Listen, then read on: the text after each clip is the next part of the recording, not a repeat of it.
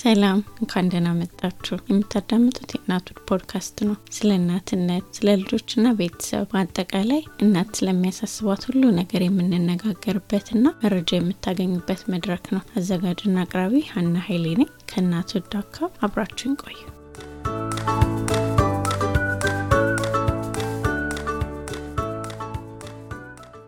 hi ቤቲ፣ እንኳን ደህና መጣሽ። ሰላም ሀና፣ እንኳን ደህና ጠበቅሽኝ። አመሰግናለሁ በጣም ስለምሰጪም ጊዜ። ሰላም እንዴት ናችሁ? የእናቱን ቤተሰቦች፣ ዛሬ ደግሞ ቤቴልሄምን ይዤላችሁ መጥቻለሁ። ቤቲ homeschool ታደርጋለች ማለት በቤት ውስጥ ልጆቿን ታስተምራለች እና ማይፋኖስ የሚባል ደግሞ አማርኛ የምታስተምርበት platform አላት በዙም እና ዛሬ ስለ ቤት ውስጥ ስለማስተማር ልጆችን ነው በብዛት የምናወራው እና ደግሞ አማርኛም ስለማስተማር ያው እኔም ቤቲም በአሜሪካ ነው የምንኖረው ሰው ልጆቻችን ለእንግሊዝኛ ቋንቋ ነው የተጋለጡት በብዛት ግን አማርኛ ደግሞ በማስተማር ቤቲ በደንብ ስለተሳካላት ልምዶችን ሁሉ ታካፍለናለች ማለት ነው። ቤቲዬ ራስሽን በደንብ አስተዋወቂ እስኪ። እሺ፣ ቤቴልሄም እባላለሁ። ቤቲ ባጭሩ ለአንዳንድ ሰው ለአብዛኛው ቤተልሄም ነው። አዎ እዚህ ሁለት ልጆች አሉኝ የሰባት ዓመት እና የአምስት ዓመት ልጅ። እዚህ ነው እኔም ለነገሩ ያደግኩት አብዛኛውን ጊዜ more እንዲያውም በቃ አሁንማ officially እዚህ ነው የኖርኩት ከሀገር ቤት። ግን ምንም ቢሆን ያው ከሀበሻ ቤተሰቦች community ው ጋር ምናምን ስላለ አሶሲዬሽናችን ብዙ እንትንም አራቀም። ግን የአማርኛ ትምህርቱን part የምትሆን ያው ባለቤት ደግሞ ሀበሻም ስላልሆነ የሆነ የ conscious decision መሆን ነበረበት። like okay ከዚህ በኋላ እኔ ራሴ ጠንክሬ አማርኛውን ራሴ ካላስተካከልኩት የራሴን አማርኛ ልጆች አይለምዱም በሚል ማለት ነው። I think እሱ ጋር ነው ብዙ ጊዜ ሰዎችም ትንሽ ስትራግል የሚያደርጉት አይደለ ቤት ውስጥ ራሳቸው ወይም እንግሊዝኛ ይናገራሉ ወይም ውጭ እንግሊዝኛ ይናገራሉ። ከዛ ልጆቻቸውን ለማስተማር ሲሞክሩ ትንሽ እሱ ጋር ወደ ኋላ ይጎትተናል። ስለዚህ የመጀመሪያ ልጅ የሰባት ዓመቷን አሁን ማለት ነው የእሷን ባረገዝኩ ጊዜ ነው በቃ ባለቤቴን ራሱ አማርኛ የማይናገረውን ሰው ነገርኩት። ከዚህ በኋላ በአማርኛ ነው የምናወራው ተባባል። እሱም ለመደ እንደምንም እየተሰባበረም ቢሆን እኔም የጠፋውን እያመጣው የረሳሁትን ለማስታወስ እየሞከርኩኝ በቃ በደንብ ከአይምሮ የተዘጋጀው ማለት ነው። ከዛ ከተወለደች በኋላ አብረን ከቤቢ ስለሆነች ምን ታውቃለች እያልን እየሰባበርን እኔም ባለቤቴን ብቻ ለማኝ መገጣጥመ ነው በእሷ ተለማምደን ልበለው። አሁን እሷ ፍሉወንት ናት። እሷ በደንብ ማንበብ ጀምራለች፣ ትናገራለች በደንብ አሁን የአምስት ዓመቴም ደግሞ በደንብ ይናገራልና በጣም ደስ የሚል ኢንተራክሽን ነው። ምክንያቱም እነሱ አሁን ልክ እንደኔ ቀልዱንም ለምደው በስርዓትም የሆነ ትርጉሙንም ገብቷቸው ሲናገሩ ብቻ እኔ ደስ ይላል። በቃ ልብሽን ያረሰዋል። ስለዚህ በሱ ነው። በጣም ቤቲ thank you so much። እኔ ሁሌን encourage የምታረጊኝ እንደገና ደግሞ በማይፋኖስ ስለምታስተምሪ ለሌሎች ልጆች ሁሉ መድረስ ችለሻል እና የማይፋኖስን website description ላይ አደርግላቸዋለሁ። መጽሐፍም ደግሞ የመማሪያ መጽሐፎች ምናምን ታዘጋጃለሽ። የምትሸጣቸው መጽሐፍ ፖስተሮች አሉ። እነሱንም እዛ website ላይ ማግኘት ይችላሉ ማለት ነው። okay በእኛ community ኖ queen of homeschooling ነው የምልሽ እኔ ቆይ ቆይ ቆይ ቆይ ቆይ ከበድ ያለ title ነው። ለምን በእኔ ነው በእኔ ልጆች እድሜ ተቀራራቢ ወይ በእኔ እድሜ ተቀራራቢ የሆነ አሁንም ደግሞ እያስተማረ ያለ ማውቀው ሰው ከዛ ደግሞ resource በመስጠት በተለይ ሆኖ መማሪያ መረጃዎች ሊሆን ይችላል በማህበራዊ ሚዲያ ገጽ ደግሞ እኔን የረዳኝ ይሄ ነው ብሎ በጣም ብዙ ነገር በማካፈል ከአንቺ የተሻለ ማውቀው ሰው የለም። ሰው ለዛ ነው አመሰግናለሁ። ለአንድ ሰው ከሆነ እቀበላለሁ፣ አብዛኛው አልቀበልም። በጣም ከባድ ግን አመሰግናለሁ እንደዛ እንዳልሽ። በምን እንጀምር ቤትዬ? ለምንድን ነው በቤት ውስጥ የምታስተምር? አሁን ቤት ውስጥ ማስተማር ሌሎች በተለይ ከኢትዮጵያ ውጭ ለሚሰሙ ሰዎች I mean ከዚህ ከአሜሪካ ውጭ የተለመደ ነው። አሜሪካ ውስጥ homeschooling የሚሰሙ ሰዎች ልጆች ትምህርት ቤት ሳይሄዱ ማለት ነው ሙሉ ጊዜያቸውን በቤት ውስጥ መማር ማለት ነው። እና ለምን አረግሽው? ምንድን ነው ጥቅሙ? ምክንያቱም ትምህርት ቤት በጣም ስለለመድ ነው ቤት ውስጥ ማስተማር እንደሚቻል ራሱ ማሰብ ያቅተናል። አንዳንዴ እድሉም እያለ ማለት ነው። የማይፈቅዱ ሀገሮች እንዳሉ ይገባኛል ግን የሚፈቅዱ ሀገሮች ራሱ ባሉበት ሰዎች ሲሰሙ በጣም ይደነግጣሉ። እና ለምን አረግሽው? ጥቅሙ ምንድን ነው? ለምኑ ሰፊ ነው? እውነት ለመናገር ምክንያቱም በመጀመሪያ ብዙ ምክንያቶች አሉኝ። of course compile የሚያደርጉ በየቀኑ አንዳንድ የምቀልድባቸው ምክንያቶች አሉ። አንዳንድ ደግሞ እውነት serious ሊሆነው የሚሆኑ ምክንያቶች አሉ። የመጀመሪያው ግን I think ከቤት ሰራ ነበር እኔ ልጄ እንደወለድኩኝ። ልጄ እንደወለድኩኝ ከቤት አልወጣሁም። በቃ መስራት የጀመርኩት ከቤት ነው። አጋጣሚ ሆነ ጥሩ ስራ ነበረኝ። እነሱ ስራው ደግሞ ፈቅዶልኝ ከቤቴ ይሄ እንግዲህ ከኮሮና በፊት የዛሬ ሰባት ዓመት ቤት ስለውጥ ባለቤት የሌላ ስራ ሲያገኝ state ስለውጥ ስራዬም አብሮኝ ፈቀዱልኝ። አንቺም ስትሄጂ በቃ baby ሽን እንደወለድሽ ይዘሽ ስራውን ሂጂ አሉኝ። ሄድኩኝ እና ከቤት በመስራቴ ልጄም ቤት ነበረች። እሷ ደግሞ ቀላል ነበረች። አብራኝ ነበር የምትሰራው ማለት ነው። ከ desk ስር ትቀመጣለች፣ መጫወቻን እሰጣታለሁ። በቃ ዝም ብላ ትጫወታለች። እኔ ሙሉ ቀን እሰራለሁ። ማስተኛበት ሰዓት አስተኛለሁ፣ ማበላበት ሰዓት አበላታለሁ። አብረን እናነባለን፣ አብረን እናወራለን። እንዲህ እንዲህ እያለች አደገች። በዛ እዛ እንዲያውም ወደ ሀያ ወር መጀመሪያ ወደ አስራ ሶስት ወር ስትጠጋ ትንሽ አሳዘነች። ሳየው እኔ ስራዬ ላይ ነኝ focus ያደረኩት እና ውጭ መውጣትን ለምዳለች። አሁን በአስራ ሶስት ወር በሩን ታያለች እና እኔ ሙሉ ቀን ሁልጊዜ ልወስዳት አልችልም። ከዛ አሰብኩና ወይም አንድ babysitter ልቅጠርላት maybe at least ታውጣትና ታምጣት፣ ግን ከቤቴ ላለማውጣት ማለት ነው። ይሄን ሁላ gap ሳየው በቃ ያለን relationship ትምህርቱን ታዩ የራሱ ትምህርት ነው just አብራኝ ነው የምትሆን። ታውቃለች፣ schedule ኤን ታውቃለች፣ ምሳ ሰዓታችን ታውቃለች። even አስራ ሶስት ወር ሆና kitchen ኤ ውስጥ አስገባትና አብረን kitchen ምሳችን እናዘጋጅ ነበረ። በትንሽ ነገር ቅጠል ቀንጥሺ እያልኳት ትቀነጥሳለች። ያ ራሱ እንደ ትምህርት ነው ያየሁት። ብዙ ከልጆች ጋር ሰራ ነበር። ከሱ በፊት ደግሞ የልጅ ፍቅር አለኝ። የልጅን ማስተማር ዋና ፍላጎት አለኝ። ስለዚህ ለሌላ ቤተሰብ የሰራሁትን ወይንም ለሌላ ትምህርት ቤት ያስተማርኳትን ነገሮች ለምን በራሴ ልጆች apply ማድረግ እችላለሁ የሚል ትንሽ ሀሳቡም ራሱ እየበቀለ መጣ። ትንሽ በትንሽ እዛው እኔ የራሴን ስራ እየሰራሁ ማለት ነው። ከዛ ሰው ቀጠርኩላት። ያቺ ሰው ደግሞ ያው አንድ ሶስት ሰዓት ትመጣና ትረዳኝና ሄዳለች። ከዛ ሀያ ወር ስትሞላ okay እያደገች በጣም መጣችና አንዴ maybe daycare ብከታት አልኩኝ። መጀመሪያ በሳምንት ሶስቴ ትገባለች። ለአራት ቀን ለአራት ሰዓት ምናምን ሄዳ ትመጣ ነበረ። ሳየው እሱ እውነት ለመናገር ጥሩ experience ነበረ። ሳየው ስራ እየሰራሁኝ እሷን daycare ለመውሰድ ከለከስ ከቤት የነበረው more ከብዶኝ ቁጭ አልኩ። ጠዋት እነሳለሁ፣ earlier እነሳለሁ እሷን ለማዘጋጀት እሷን ለማውጣት እሷን drop አድርጌ ስመለስ ስራ ሆነ። became እውነት ለመናገር ሙሉ full time job እሷን ማመላለስ ለአራት ሰዓት ለምትሄዳት ወይ ለሶስት ሰዓት ለምትሄዳት ጠዋት ተነስቼ እሱን ማድረግ ምሳዋን ማዘጋጀት ምናምን ሳየው ይሄ ነገር ቆይ እስኪ አያዛልቅም እያልኩኝ ከራሴ ጋር ማለት ነው ወይ መልሼ ቤት ላስቀምጣት እና ስራዬን ልቀጥል። ከዛ በዛ ሰዓት ደግሞ already እርጉዝ ነበርኩኝ። ሁለተኛ ልጄ ወደ ሀያ አራት ወር ልትሞላ ስትል ነው ልጄ የተወለደው እና ሁለተኛ ማለት በዛ ሰዓት ሳየው ሳየው ምኑን በቃ ይሄ መመላለሱ እውነት አልጣመኝም። አንድ ቀን ደግሞ የሆነ የአንድ ሰው ሽጉጥ ይዞ መጥቷል ሰፈር ውስጥ ምናምን ብሎ በር ተዘጋግቶ ደረስኩኝ። እሱም ትንሽ ልቤን ቀጥ አደረገው። ከዛ በኋላ እንዴ አርፋ ቤቷ በተቀመጠች በሞቀች ቤቷ እዚህ አውጥቼ ጉዴ ያልኩኝ ከራሴ ጋር እንትን ማለት ጀመር። ከዛም በኋላ ስራዬን በቃኝ ብዬ quit አደረኩ። already ለመጀመሪያ ተቀምጫለሁ። አሁን ሁለተኛ መጨመር እዚህ ላይ አልተመቸኝም። more focused መሆን ፈለግኩኝ። ቤቴ ውስጥ የቤቴን ነገር ማወቅ ፈለግኩኝ። ምክንያቱም ምሰራው በጣም busy ስራ ነበረ።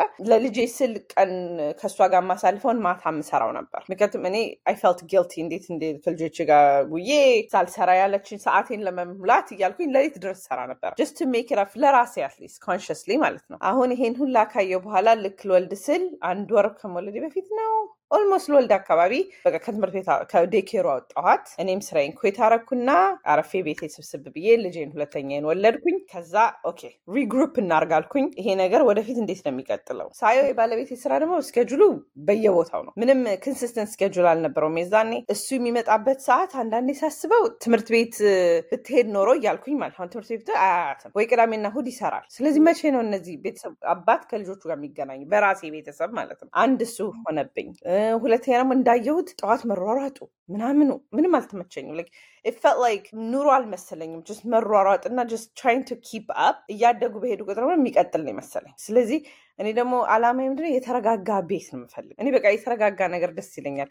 ልጆቹም ተረጋግተው ተነስተው focused ሆነው የሚያደርጉትን ነገር አስበው የቤታቸውን ነገር ደግሞ ካላወቁ የውጭ ምን ይጠቅማል ብዬ ነበር ሰው በእውነት ከመጀመሪያው routine ኣቸው ካልገባቸው አንድ ቤተሰብ እንደምንሆን አብረን መብላት እንዳለብን አብረን መስራት እንዳለብን መታጠቢያ ቤታቸውን ማጸዳዳት እንዳለባቸው እቃቸውን ማስተካከል እንዳለባቸው ይሄ እንደ ትምህርት ነው ያየሁት። በዛ ትንሽ ሆነው እድሜያቸው ማለት ነው። ስለዚህ ትምህርት የሚለው part አሁን officially በ state ኡ በአምስት ዓመት ነው አይደለም የጀመሩት ሁለቱም። እንግዲህ አሁን አንደኛው አሁን ይጀምራል፣ እሷ የመጀመሪያ ደግሞ የዛሬ ሁለት ዓመት ነው officially በ state። ለእኔ ግን እሱ ትምህርት ይሄ ወረቀትና እንትኑ ትምህርት አልመሰለኝ። even though masters ቢኖረኝም I still didn't consider እንደ ትምህርት what I considered was real life skill ኦች እውነት skill ኦች የሆኑ እውነት day to day ይሄ ወደፊት ምክንያቱም እኔ የለሁም ባልኖር ምን ይሆናሉ እነዚህ ልጆች የሚለውን ማንበብና መጻፍ ሁሉም ይለምዳል over time። ይቺ skill ግን አሁን ናት የምትለመድ በማለት በቃ እሱ ነው ትምህርት የወሰድኩት እና ልብስ የደረቀ ልብስ ማውጣት የቆሻሻ ልብስ መክተት እነዚህ በቃ የቤት ስራዎች የምታያቸው እንደ ትምህርት ነው የወሰድኳቸው። ምክንያቱም routine ናቸው አንድ። ሁለተኛ ደግሞ it's actually logical thinking like steps መከተልን። እነዚህ በሞላ ራሱ ትምህርት ናቸው። በማለት በዛ የአይምሮዬም shape እየተደረገ ሲመጣ ሳየው ደግሞ benefit ኡን ልጆቼ ላይ ሳየው አይ ይሄ በቃ ቤት እንቀመጥና ቀስ እያልን figure እናድርገዋለን። ከዛ over time ብዙ አይነት ምክንያቶች እየተደረደሩልኝ ሲመጡ it became እውነት ክሊር ሆነልኝ this is the right way. This is for me ለራሴ ለእኔ ቤተሰብ ይሄ ትክክለኛው መንገድ እየተከተለ ነው። ግን እኔ ደግሞ I'm not stubborn enough to say በቃ ሆምስኩል ነው ሆምስኩል ነው ብዬ አልደመደምኩም። Every year ኢቫሉዌት እናደርጋለን። በአመት በአመት በመጣ ቁጥር ይሄ ነገር አሁንም ለልጆቹ እየጠቀመ ነው። አሁንም ለእኔ እየጠቀመ ነው። አሁንም ለቤተሰባችን እየጠቀመ ነው። አዎ እንቀጥላለን። አሁን ልጆቹ ደግሞ መናገር ስለጀመሩ እና ትልቅ ስለሆኑ አስተያየትም እጠይቃለሁ አሁን ከትልቋ ይሄን እንቀጥለው፣ አዎ እስከ መቼ እንቀጥለው፣ እንደዚህ እሺ፣ የሚመጣው ዓመት ደግሞ እንነጋገራለን እያለን አሁን እነሱም ስለለመዱት ብዙ እንትን አይደለም። ለማንኛውም ለቤተሰብ ይጠቅመኛል። አሁን የወደድኩት በጣም ምንድን ነው ለራሴ ቤተሰብ እንዴት ነው የጠቀመኝ የሚለውን ስታስረጅ ለሁሉም ስለማይሰራ ማለት ነው። ከዛ ደግሞ በአንዴ የወሰድሽው ነገር አይደለም። በየአመቱ ስታዩ የነበረሽ ነው ስትራግሎች ምናምን እኔም ራሴ አሁን ስለማያቸው ነው በራሴ ልጆች ላይ በራሴ ህይወት ላይ ማለት ነው እና እንደ ምርጫ ያለን ነገር እንደሆነ ሰው ሊያውቅ ይችላል ማለት ነው። በአንዴ መወሰን አያስፈልገውም። ሊወስን ደግሞ ሲዘጋጅ እንደዚህ ሊያስባቸው የሚችላቸው ነገሮች እንደሆኑ ለምን የ homeschooling ነገር ወይ ቤት ውስጥ ማስተማር ነገር ሲነሳ ዝግት የምናደርገው ነገር ስላለ ነው። እኔ ብዙ ከ society የማየው ማለት ነው። ሌላ ደግሞ በጣም የወደድኩት ያልሽው ነገር ስለ ጥቅሞቹ ማለት ነው። ይሄ ስትዘረዝሪ ትምህርት ቤት ማለት ቁጭ ብሎ መጻፍና መማሩ ብቻ አይደለም። ቤት ውስጥ የምናደርገው እያንዳንዱ ነገር ይሆናል። አብሮ ማብሰል፣ ማጠቡ፣ ምናምኑ እነዚህ skill ኦች ትምህርት ቤት አያስተምሯቸውም ሲጀመር። ጊዜ የለማ fair ለመሆን አደለ? አዎ። እሱ እሱ በጣም እንዴት ነው overlook የምናደርገው ወይም የለም ብለን የምናስበው ነገር ነው። ግን ልጆች ደግሞ በጣም የሚያስፈልጋቸው skill አሁን ደግሞ በተለይ በደረስንበት ሁሉ ሩጫ፣ አሜሪካ ደግሞ ሁሉ ሩጫ ነው አይደለ? እንደዛ በሆነበት ጊዜ ይሄንን ነገር ተረጋግቶ ለማድረግ በጣም እድል የሚሰጥ ነገር ነው። በቤት ውስጥ ማስተማር ማለት እሱን ነው የወሰድኩት። በቤት ውስጥ ማስተማር ሲባል የመጀመሪያ የሚገጥመው ነገር ታውቂዋለሽ አይደል? ቤት ልጆቹ ታዲያ ከሰው ጋር አይውሉም። እንዴት ያደርጋሉ ብቻ ሉ ከሰው አይገባቡም፣ አይጫወቱም ምናምን የሚል በቃ ቀድሞ የሚነሳ ነገር ቤት ውስጥ ያላስተማረም ሰው እንደዛ ይልሻል። ለማስተማር አስቦ ማያቅም ሰው ይልሻል። ላስተምር ደግሞ አሁን እኔ ለምሳሌ ትምህርት ልጆች አልሄዱም፣ ግን የ homeschooling idea በጣም ወደዋለሁ። አንቺ ስትናገር ከሁሉ ነገር ጋር ነው የማያይዘው ነው ልጆች ላይ ቢሆን ብዬ because እያየሁት ስለሆነ ማለት ነው ገና ትምህርት ባይሄድ እና እንደዛ ስል ለመጀመሪያ የሚደርሰኝ ጥያቄ challenge የሆንበት እሱ ነው እና እሱ እውነት እንዳልሆነ አስረጅልኝ እስኪ። በጀመሪያ አንድ ወደ ኋላ እንመለስ። አሁን ያልሽው ነገር homeschooling ሲባል ዝግ ነው የሚለው ነገር ዝግ አስተሳሰብ አለ። በቃ ይሄ ነው ይሄ ነው። ህይወት እንደዛ ሊሆን አይችልም። እኔ just in general ምንም ህይወት በዚህ ምድር ላይ መልሱ አንድ ሊሆን ሁልጊዜ እግዚአብሔር ብቻ ነው አንድ እንግዲህ ለራሴ ሌላው ነገር ግን ሁሉም flexible መሆን አለብን። በቃ society ንን flexible ሆነን መኖር አለብን። እኔ homeschool አደርጋለሁ ዛሬ ያልኩሽ አይደለ? የሚመጣው ዓመት evaluate አደርጋለሁ። ሰው በዛ open-mindedness ከገባ ግዴታ ልጅሽ ትምህርት ቤት አለ ልበልሽ። አሁን ትምህርት ቤት ነው ተማሪ ነው እያሰብሽበት ነው homeschool ለማድረግ ማስወጣት ትችላለሽ። አሜሪካ እስከኖርሽ ድረስ ነፃ ሀገር ነው እግዚአብሔር ይመስገን። አስወጥተሽ አመት ውስጥ ማየት ትችላለሽ። አንድ አመት መስ ልጅሽን መስጠት ትችላለሽ እድሉን homeschool ስቲናል ካሰብሽ ነው የምልሽ። እውነት ልብሽ ውስጥ ካለ ቤት ታመጪና ይማራል። የማይመጥን ከሆነ ለአንቺም ለልጁም ከሆነ መልሰሽ መክተት ትችላለሽ። ማንም ይሄን አይከለክልሽም። in fact እኔ ብዙ ሰው አውቃለሁ። አንዴ ሲመልሷቸው አንዴ ሲያወጧቸው አንዴ ምክንያት they're just trying to figure out the right rhythm. እና ምን ለማለት ፈልጌ ነው? ያን ያህል open-minded ከሆንን እንዲያውም it gives us freedom to say ይሄ ነገር ለእኛ ይሆናል ወይ? ይሄኛው ይሰራል ወይ? የማይሰራ ከሆነ ደግሞ ልጅሽን ስለመለሹ ትምህርት ቤት ኃጢአት አይደለም እኮ እንዴ? በቃ ለቤተሰብሽ የሚሆነውን ሞክረሻል ካልሆነ አልሆነም ነው። ትምህርት ቤት ደግሞ ብለን ስናስብ ስለ homeschooling ብዙ ምርጫዎች አሉን አሁን especially actually ብዙ ትምህርት ቤቶች አሉ በ homeschooling ስር ምክንያት አሜሪካ ሶስት አይነት ሴክተር ነው ያለው ለትምህርት። Okay? የ public school sector አለ የ private school sector ኦች አሉ። in fact ከ public እና ከ private ደግሞ charter ይባላል በመሀሉ አይደለ? ከዛ ሶስተኛው ደግሞ homeschool የሆነ organized የሆኑ ትምህርት ቤቶች አሉ። አሁን ለምሳሌ classical education ወይንም Charlotte Mason education እየተባሉ በራሳቸው እንትን ያሉ ማለት ነው። identity ኣቸው በ homeschool ነው፣ ግን እንደ ትምህርት ቤት ነው run የሚያደርገው። ስለዚህ ክርስቲያን ከሆንሽ ወይም whatever faith እንደ ሙስሊሞችን መክፈት ይችላሉ። I'm sure የ homeschooling የራሳቸው co-op ሆነ ማለት ነው። ግን mostly እንደ ትምህርት ቤት ነው run የሚያደርገው ከስምንት ሰዓት እስከ ሶስት ሰዓት አስተማሪዎች ይቀጠራሉ። ግን you know curriculum ኡ የ homeschooling curriculum ነው የሚከተለው። even Montessori የሆነ homeschool የሆነ አለ versus private Montessori የሆነ እና የተለያዩ method ኦች አሉ። instead of ቤተሰብ እስከሆነን ማለት ነው። ጠያቂ ከሆነ ተይው ዝም ብሎ ይሄ opinion ሊሰጥሽ ከሆነ ምንም አያስፈልገው ከሆነ እሱን መርሳት ትችላለች። ግን እውነት ቤተሰብ ሆነሽ ፍርሃት ካለ ውስጥሽ እነዚህ ኦፕሽኖች አሉ። ስለዚህ don't limit yourself ለማለት ፈልጌ ነው።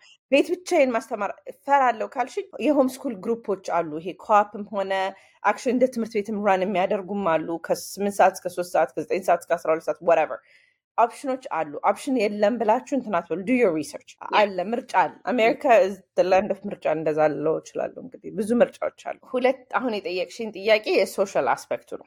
አሁን ይሄ ደግሞ ወደ እንደኔ አይነቶቹ ማለት ነው ቤት ሙሉ ቀን ለሚውሉት ግን ቤት ሙሉ ቀን ይውላሉ ስልሽ literally አይደለም። ጠዋት ተነስተው እስከ ማታ ከቤቴ ውስጥ አይወጡም ማለት አይደለም። ብዙ activity እንሰራለን፣ ብዙ ነገሮች እናደርጋለን። ብዙ የ homeschool group ኦች አሉ የምንገናኝበት። in fact አንድ ነገር ከተማርኩት ምንድን ነው ቀን የምንማርበትን ቀን የምንማርበት ቀን ወደ ከሁለት ሰዓት ወይ ከሶስት ሰዓት በኋላ እንወጣለን እንጂ ጠዋት ዝም ብለን ዘለን አንወጣም። የምንወጣበት ቀን ደግሞ ሲሆን ሙሉ ቀን እንወጣለን። ያለ ምንድን ነው የኔንም life simplify ያደርገዋል። ከወጣን ሙሉ ቀን በቃ ስንጫወት ስንውል ምናምን ከሰዎች ጋር ስንገናኝ እንውልና limit አለኝ በሳምንት ወይ ሁለት ወይ ሶስቴ ሙሉ ቀን ልጅ ከልጆች ጋር የሚውሉበት ሙሉ ቀን ሲጫወቱ የሚውሉበት። ሌሎቹን ቀኖች ደግሞ ቤት የቤትሽንም እኮ ጥለሽ ከሄድሽ ቤት ውስጥ ማን ያጸደዋል? ይጠብቅሻል። እቃውን ማን ያጥባል? ስለዚህ balance እሱን ለማድረግ ሙሉ ቀን ቤት የምንውልበት ልንማር ማለት ነው። ልናጠና፣ ልንማር፣ ልንሰራ የቤታችንንም ነገር አብሮ ስለሆነ ማለት ነው። እዚህ ቤት እስከኖሩ ድረስ እነሱን participate ማድረግ አለባቸው። ከዛ ውጭ ሄደው መጫወት ይችላሉ። እኔ ራሴን ሰራ ከፈለኩኝ ጀርባ ማለት ነው። እሱም privilege ነው። by the way ከመጀመሪያው ነገር መናገር የምፈልገው homeschool ማድረግ እውነት ለመናገር privilege ነው። እድሉ ስላለኝ ነው። እሱ ነው የሚከብደው፣ እሱ ነው እድል ማግኘት። አንዳንድ ሰው እድሉን አያገኝም። ያን ደግሞ ማክበር አለብኝ እና እኔ ለዛ ነው ብዙ ጊዜ ለሁሉም ሰው homeschool አድርጉም አለ። ለምን ህይወታቸውን አላውቅም። አንዳንድ ሰው ሊከብድ ይችላል። አንዳንድ ሰው just in general ለማስተማር ያልተፈጠረ ሰው አለ። ያን ሰው ደግሞ እንትን pressure መስጠት የለብንም። መርዳት እንችላለን እርዳታ ከጠየቁ እንጂ ይመስድውት እኔ ስላደረግኩት አንቺም እንትን ማድረግ አለብሽ ሳይሆን ትቼ ያለሽ እልሻለሁ። ይቻላል፣ ሁሉም ነገር ይቻላል። ግን ከውስጥሽ መጀመሪያ እንትን ማለት አለበት። ስለዚህ እሱን ለመናገር ፈልጋለሁ። just because እኔ ስላደረኩት ሁሉም ያደርገዋል ልል አልፈልግም። እና ይሄን ይሄንን balance የምታደርጊበት መንገዶች አሉ።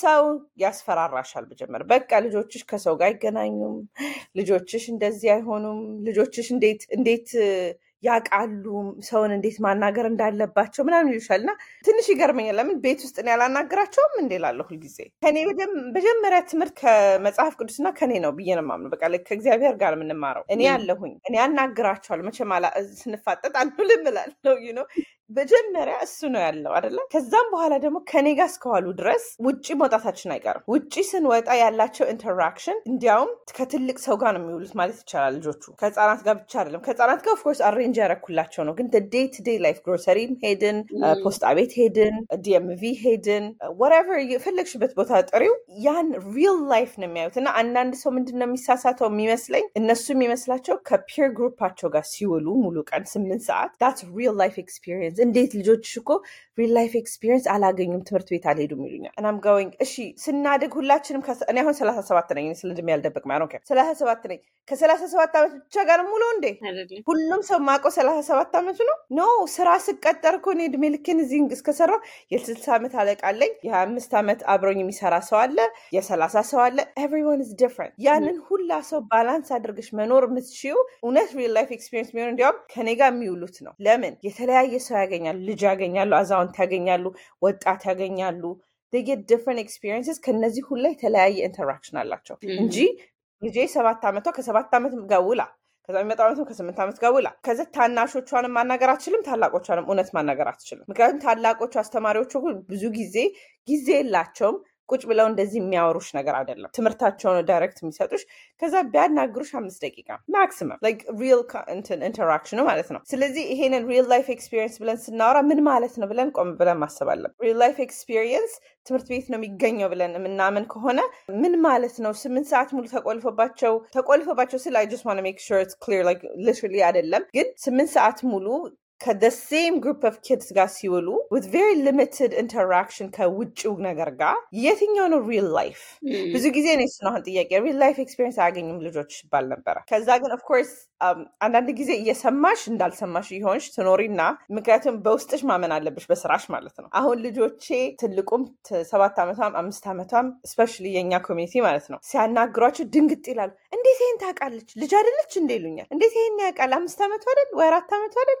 ነግሬያችኋለሁ እኮ ከኔ ጋር ነው የሚውሉት። ከኔ ጋር ሲሆን ደግሞ በግልጽ ነው የምንነጋገረው። እንወጣለን፣ እንገባለን። የማያዩት ነገር የለም፣ የማይሰሙት ነገር የለም፣ የማይጠይቁኝ ነገር የለም። እና አሁን አውቃለሁ ጓደኞች ደግሞ ልጆች ያላቸው ትምህርት ቤት ውለው ምናምን የሚመጡና አሁን ፖስጣ ምናምን ልጄን ጻፊ ስላት ገና በአራት ዓመት ከግማሽ በአምስት ዓመት በ ታውቃለች የቱ ጋር ለምን ከኔ ጋር ስራ ስንሰራ መጽሐፍ ship ስናደረግ ምናምን system ኡን ታውቋለች። literally የፖስጣ ቤቱን ሲስተም በደንብ አጥንተዋለች በአራት ዓመት ከግማሽ። እንግዲህ ያን experience የት ነበር የሚያገኙት ትምህርት ቤት ቢሆኑ በማለት ነው እሱን የምልሽ። ስለዚህ አሁን እያደጉ ሲመጡ ይሄ ሁሉ ሁላም ዳውት ያደረገኝ የጨቀጨቀኝ ሰው የጠየቀኝ የማይሆን ጥያቄ ያልጠየቀኝ ሰው በሙሉ ዞር ብለው ጎበዝ፣ አንቺ ጎበዝ፣ እንኳንም አልሰማሽኝ ብዙ ሰው ያለኛል፣ እንኳንም ያልሰማሽኛል አለ እና እንደሱ እነሱ እንዲያውም አስደሰቱኝ። ምክንያቱም ተረዱኝ፣ finally አዩኝ፣ ታየኋቸው እና እኔ advice የምለው በቃ ሰው ይላል የፈለገውን ይበል፣ አምናችሁ ቆርጣችሁ ከተነሳችሁ ጸጥ ብላችሁ ስራችሁን ስሩ። ተረፈው መልሱ ልጆቻችሁ ናቸው የሚሆኑት። ለራሴን በደንብ አድርጌ እየሰማው ነው። ምክንያቱም አይ በጣም passionate የሚያደርገኝ እንትን ነው። እኔም በጣም ያልሹን ነው። የኔ ትልቁ ልጅ እንኳን ገና ሶስት አመቱ ነው እና ግን በጣም እረዳሻለሁ። ምክንያቱም አብረን ስናሳልፍ እንደዚህ shopping አብረን ስንሄድ መኪና ውስጥ እየሄድሽ ስታወሪያቸው ምናምን በጣም ብዙ ነገር ነው የሚይዙት። በጣም ብዙ ነገር አሁን ደጋግመን የምንሄድባቸውን ቦታዎች መንገዱን ያውቀዋል እና ሌላ መንገድ ስትሄጂ ወዴት ነው የምንሄደው ይልሻል። የእውነት shopping ላይ አሁን ምን እናነሳቸውን እቃዎች ያውቃል ምና እና ቤት መዋል privilege ነው እንዳልሽው ለነገሩ በጣም ለልጆቹ ብዙ freedom ነው የሚሰጣቸው እና የማይችሉ ሰዎች ነው እንደማይችሉ understand እናደርጋለን። push እያደረግን አይደለም። ድጋሚ አንቺ ያልሽውን ማለት ስለምፈልግ ነው። ምክንያቱም እንደዚህ አይነት topic ኦች ሲነሱ አንዳንድ ሰው ይከብደዋል ማለት ማድረግ ባለመቻሉ፣ ሌሎች ደግሞ ማድረግ በመቻላቸው እየገፉ እንዳልሆነ እንደዛ እንዳይሰማቸው ማለት ነው። ግን እኔም በትንሹም ቢሆን አይቼዋለሁ። ልክ ነሽ። እንደውም ሰው ቤት ውስጥ ቁጭ ብሎ ወላጅ በተለይ ማስተማር የኔ ስራ ነው። real life experience ኡንም በዩ የ academics ኡንም ቢያው በዩ እኔ ነኝ የማስተምረው ብሎ ሲወስን በጣም ብዙ ነገር ነው የሚያደርገው ነው ብዙ effort ነው የሚያደርገው። ከዛ ደግሞ library መሄድ community ውስጥ የሚደረጉ ነገሮች አይደለም activity መሄድ ምናምን ልጆቹን እኮ ከኩዮቻቸው የሚያገናኛቸዋል፣ እንደገና ከትልልቁም ሰው ያገናኛቸዋል እንጂ የሆኑ ልጆች አንድ ክፍል ውስጥ ስለተቀመጡ የተሻለ social skill አላቸው የሚባለው ነገር በደንብ ስታስቢበት እንደዚህ make sense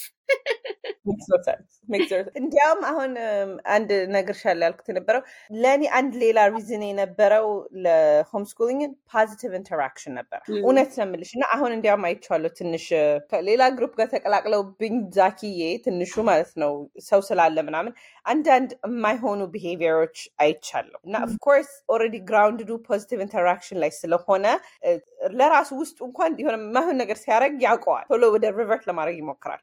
ለምን solid ground ኡ ይሄ የተፈጠረበት መሬቱ የሁለቱም ልጆቼ በጥሩ interaction በጥሩ ግንኙነት ከኔ ጋር ነው ከሰዎችም ጋር ነው። አሁን ትምህርት ቤት እኔ የምፈራው የነበረው ምንድን ነው ልጆች ልጆች ናቸው፣ ህጻናቶች ህጻናቶች ናቸው። አስተማሪም ደግሞ አንድ ወይ ሁለት ነው የሚኖሩ አይደለ? ስለዚህ ሀያ አራት አስተማ ህጻናቶች ተቀምጠው ከሀያ አራቱ ምንድን ነው እርስ በራሳቸው ጥሩ ነገር የሚማሩበት የምትዩ በጣም limited ነው versus ከአዋቂና ከጥሩ intention ካለው ቤተሰብ ጋር ሲውል ያ ልጅ ጥሩ interaction ስለ ራሱም ስለ ህይወቱም confidently የሚያምንበት በራሱ የሚተማመንበት ነው፣ ማንም ሳይጠይቀው በማንነቱ ማለት ነው። እና ይሄንን positive interaction ኡን እውነት በጣም ፈለግኩት። ከቤት በመሆናቸው encourage ያደረግኳቸው fearless ናቸው ሁለቱም። አሁን confidently ሆነ ስለሆነ topic confidently ነው የሚያወሩት፣ ምንም አይመስላቸውም። ምክንያቱም ማንም ይሄ ትክክል ነው ያላቸው የለም፣ ወይ ትክክል አይደለም፣ ወይ ትክክል ነው እንደዚህ ምናምን ዳውት አይደለም። fearlessly ይናገሩና ለማዳመጥም ዝግጁ ናቸው።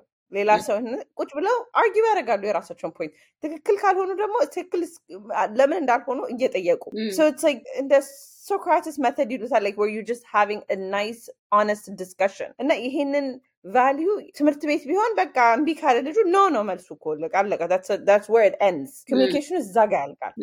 ያ ልጅ no no no no no ለምዶ that's positive interaction አይደለም እሱ more እንዲያውም negative interaction build up እያደረገ ነው። ስለዚህ ወይ ልጁ እየፈራ ይመጣል ለመናገር opinion ኡን፣ ወይ ልጁ ደግሞ aggressive ይሆናል ወይ ምናምን you እንደዛ የሚፈጠርበት ቦታዎች አሉ። ሁሉም ቦታ አይደለም ግን ቤት ስትሆኝ ግን ያን positive interaction ልጁሽን በቃ ስለ ሰውም ጥሩ ነገር እንዲያስብ mean ነገር አያስቡም። oftentimes የኔዎቹ at least ልሽ እችላለሁ ደግን ነገር ለማሰብ ለምን እኔ ስለነሱ ደግ ነገር ስለማሰብ እነሱ ሁሉም ደግ ይመስላል። እንዲያውም አንዳንድ ጊዜ አሁን ነው እያስተማርኩሽ ሁሉም ሰው እኮ እንደዚህ ለምን እንደዚህ ያደርጋሉ ይሄ እኮ ትክክል አይደለም ይሉኛል። ምክንያቱም በአእምሯቸው በቃ ትክክልን ነገር መደረግ አለበት እና እሱን ነው እንዲያውም እየመከርኳቸው ምንም ላረገው አልችልም። አንዳንድ ሰው በቃ እንደዚህ ጥፋት ያጠፋል። ከዛ ዛኪ እንዲያውም ትንሹ አንዳንድ ብላ ማማች አልነገረቻቸውም ይላል ይለኛል። እንግዲህ ወይ ያልነገረቻቸው ይሆናል እንደዛ ብሎ ነው የሚያስበው የሚያስበው እሱም እናትና አባት ጥሩ ከመከረው ልጁ ጥሩ ማድረግ አለበት የሚለው እና እሱን ይሄ positive interaction አለው በጣም እንደገና ደግሞ ቤት ውስጥ መሆን